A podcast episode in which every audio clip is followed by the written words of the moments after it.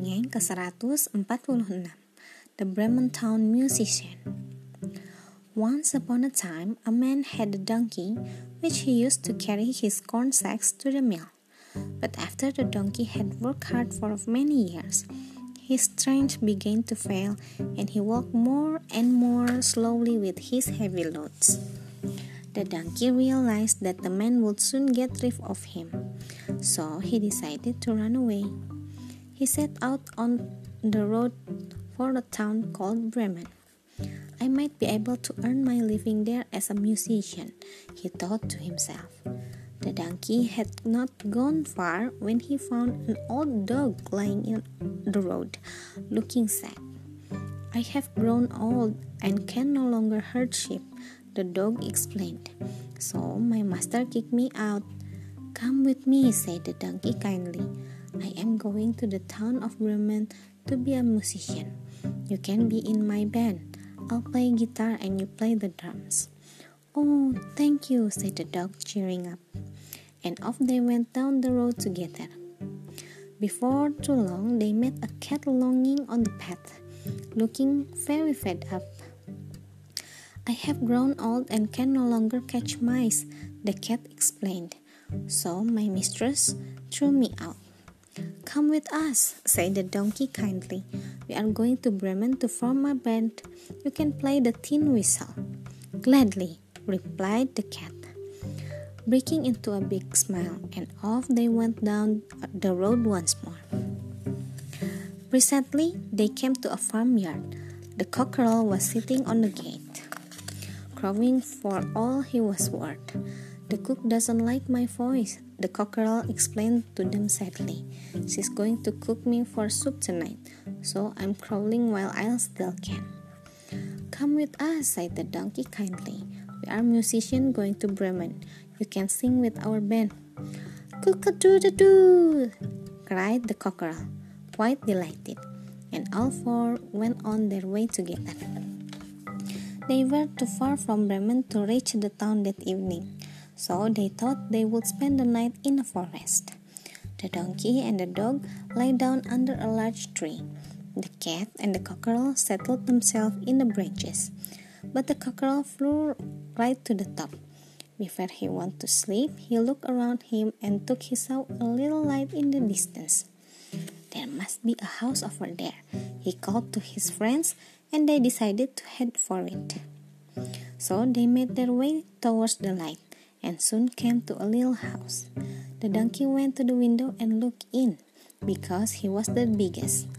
Oh my goodness! There's a table covered with all sorts of good things to eat and drink, and sitting all around it are gangs of robbers. Then the animals put their heads together to see how they might be able to drive away the robbers, so they could have the meal for themselves. At last they thought of a plan. The donkey put his front hoofs upon the window ledge. The dog jumped up on the donkey's back. The cat climbed upon the dog, and the cockerel perched on the cat. Then they all performed their music together. The donkey brayed, the dog barked, the cat mewed, and the cockerel crowed, and they burst through the window into the room, so that the glass clattered. Startled by this horrible din, the robbers sprang up, thinking that a ghost had come in, and they fled in a great fright out into the forest. The four companions were very pleased with themselves. They sat down at the table and ate their fill. Then they each found a resting place and lay down for a good sleep. The donkey settled upon some straw in the yard. The dog curled up behind the back door. The cat stretched out beside the kitchen fire, and the cockerel perched himself upon a beam of the roof. But the robbers were waiting a little distance off, watching the house. When they saw that the candles were out and everything appeared quiet, the robber captain said, We shouldn't have been so frightened, and ordered one of the gang to go and search the house for the ghost. They all pushed the younger robber forward, and off he went into the darkness. Quietly, nervously, he tiptoed up to the house. He gently pushed open the door and went into the kitchen to light a candle. But the cat heard the creak of the door and woke up. In the darkness, the robber thought the cat's glowing eyes were coals on fire. He went over to light the match from the coals and once the cat flew in his face, spitting and scratching. The robbers were dreadfully frightened and ran to the back door. But the dog sprang up and bit him on the leg. The robber leapt out of the doors, but as he ran across the yard by the straw heap, the donkey gave him a smart kick with his hind foot.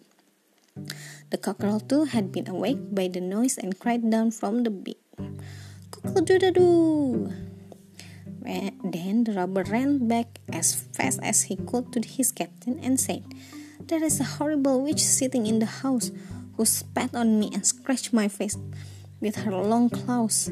By the back door stood a man with a knife who stabbed me in the leg.